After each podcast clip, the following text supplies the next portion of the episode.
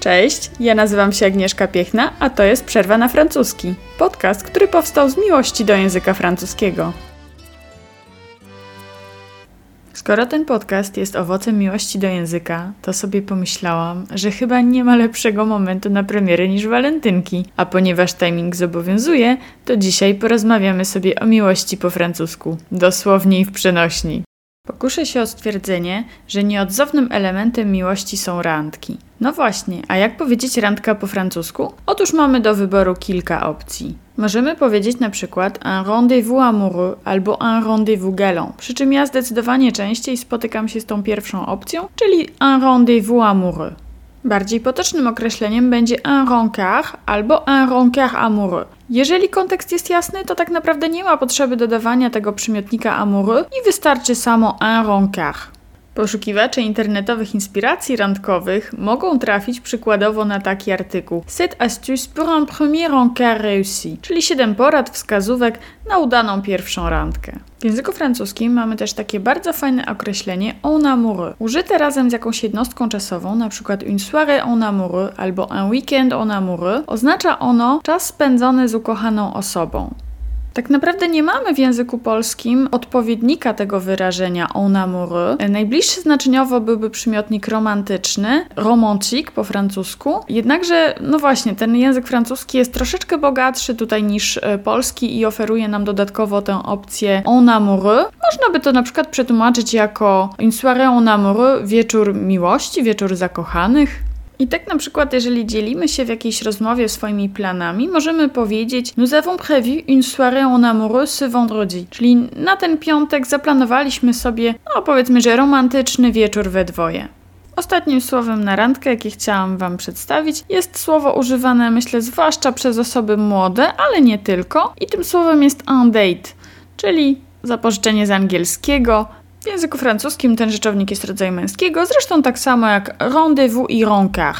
Zakładając, że wszystko dobrze poszło i randka była udana, myślę, że możemy tutaj przejść powoli do etapu motyli w brzuchu. Po francusku mówimy dokładnie tak samo jak po polsku, czyli avoir des papillons dans le ventre. Drugim ważnym czasownikiem będzie tutaj tomber amoureux albo tomber amoureuse, czyli zakochać się. Tomber amoureux w przypadku mężczyzn i tomber amoureuse w przypadku kobiet. I tutaj mała dygresja gramatyczna odnośnie czasownika tomber. Otóż w czasie przeszłym passé composé odmienia się on z czasownikiem être. Powiemy więc je suis tombé amoureux albo je suis tombée amoureuse. Skoro chodzimy na randki i mamy te papillons dans le ventre, to myślę, że jest to już ten moment, kiedy mamy ochotę używać czułych słów w odniesieniu do tej drugiej osoby. W języku francuskim mamy takich słów całkiem sporo. Niektóre są neutralne płciowo, inne są jednak bardziej zarezerwowane dla konkretnej płci. Zacznijmy od tych neutralnych. Mamy na przykład mon amour, moja miłości. Zgadzam się, że po polsku brzmi to raczej dziwnie, natomiast po francusku brzmi bardzo naturalnie i jest jak najbardziej używane.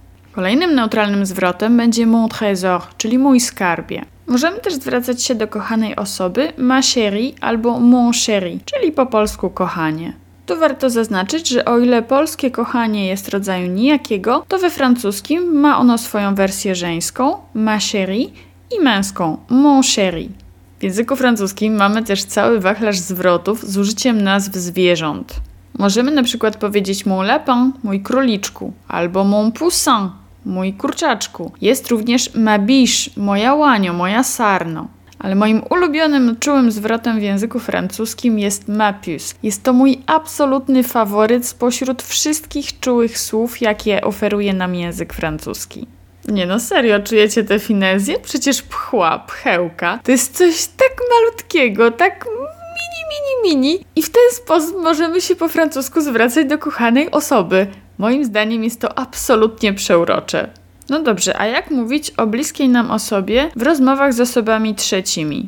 Możemy tu użyć na przykład określenia mon copain, mój chłopak, albo ma copine, moja dziewczyna.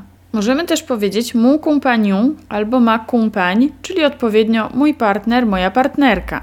Oczywiście ma się tutaj na myśli partner lub partnerka życiowa, a nie seksualna. Z mojego doświadczenia językowego wynika, że określenia mon compagnon albo ma compagne są wybierane raczej przez osoby nieco starsze. Tylko błagam, nie pytajcie mnie, co to dokładnie znaczy i gdzie ta granica wiekowa przebiega, ponieważ ja tego nie wiem. Myślę, że jest to po prostu kwestia takiego e, wyczucia, tak samo jak w języku polskim. Wydaje mi się, że określenia partner, partnerka raczej preferują osoby nieco starsze, a młodsze wybiorą określenie chłopak, dziewczyna, czyli przypomnijmy mon copain, ma copine.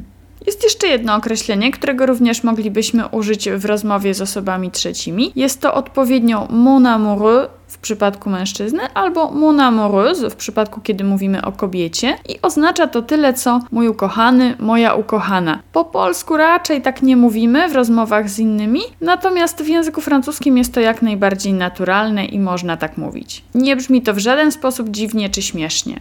No dobra, jesteśmy coraz bliżej pikantniejszego słownictwa związanego z pieszczotami. Ale zacznijmy od czułych gestów i przytulasków. W języku francuskim, kiedy mówimy o przytulaniu, używamy czasownika faire un câlin. Możemy na przykład powiedzieć do bliskiej nam osoby Viens me faire un câlin, s'il te plaît. Przyjdź i przytul mnie proszę. Warto tutaj zaznaczyć, że faire un câlin w języku francuskim absolutnie nie jest zarezerwowane dla związków romantycznych i jak najbardziej można go używać również w odniesieniu do przyjaciół, do innych członków rodziny, jak rodzice lub rodzeństwo. Jedziemy dalej i przechodzimy do całowanka.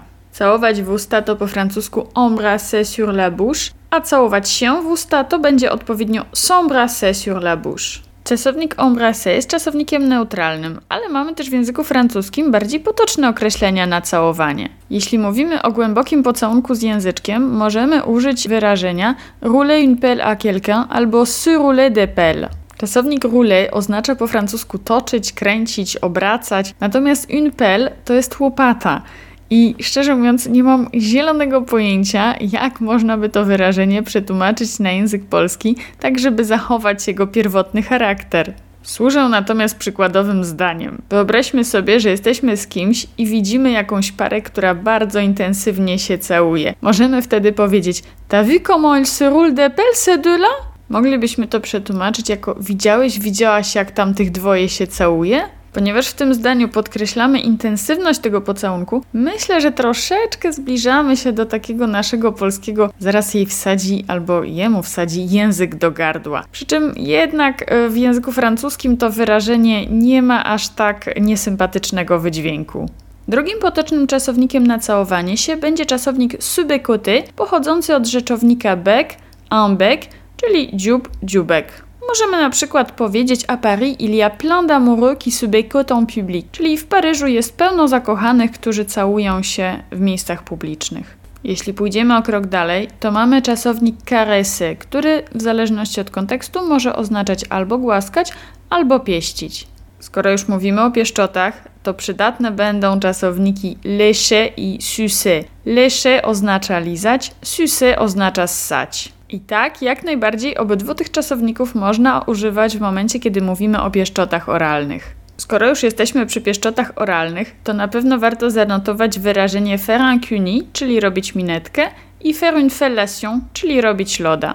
Warto tutaj podkreślić, że obydwa wyrażenia, zarówno faire un jak faire une fellation, są wyrażeniami neutralnymi i nie mają w sobie nic potocznego w przeciwieństwie do np. polskiego robić loda. Idąc od szczegółu do ogółu, przypomnę jeszcze, że uprawiać seks to po francusku faire l'amour, dosłownie uprawiać miłość. Jest też takie wyrażenie faire du sexe, czyli tutaj bliższe dosłownemu tłumaczeniu na polski uprawiać seks. Warto dodać, że rzeczownik le sexe jest też bardzo ogólnym, neutralnym określeniem genitaliów, zarówno męskich, jak i żeńskich. Możemy zatem swojej partnerce lub swojemu partnerowi powiedzieć j'adore ton sex, czyli uwielbiam twoje genitalia. Tak wiem, po polsku brzmi przedziwnie, komicznie, natomiast po francusku brzmi spoko. Możemy również powiedzieć j'adore le sexe avec toi, czyli uwielbiam seks z tobą.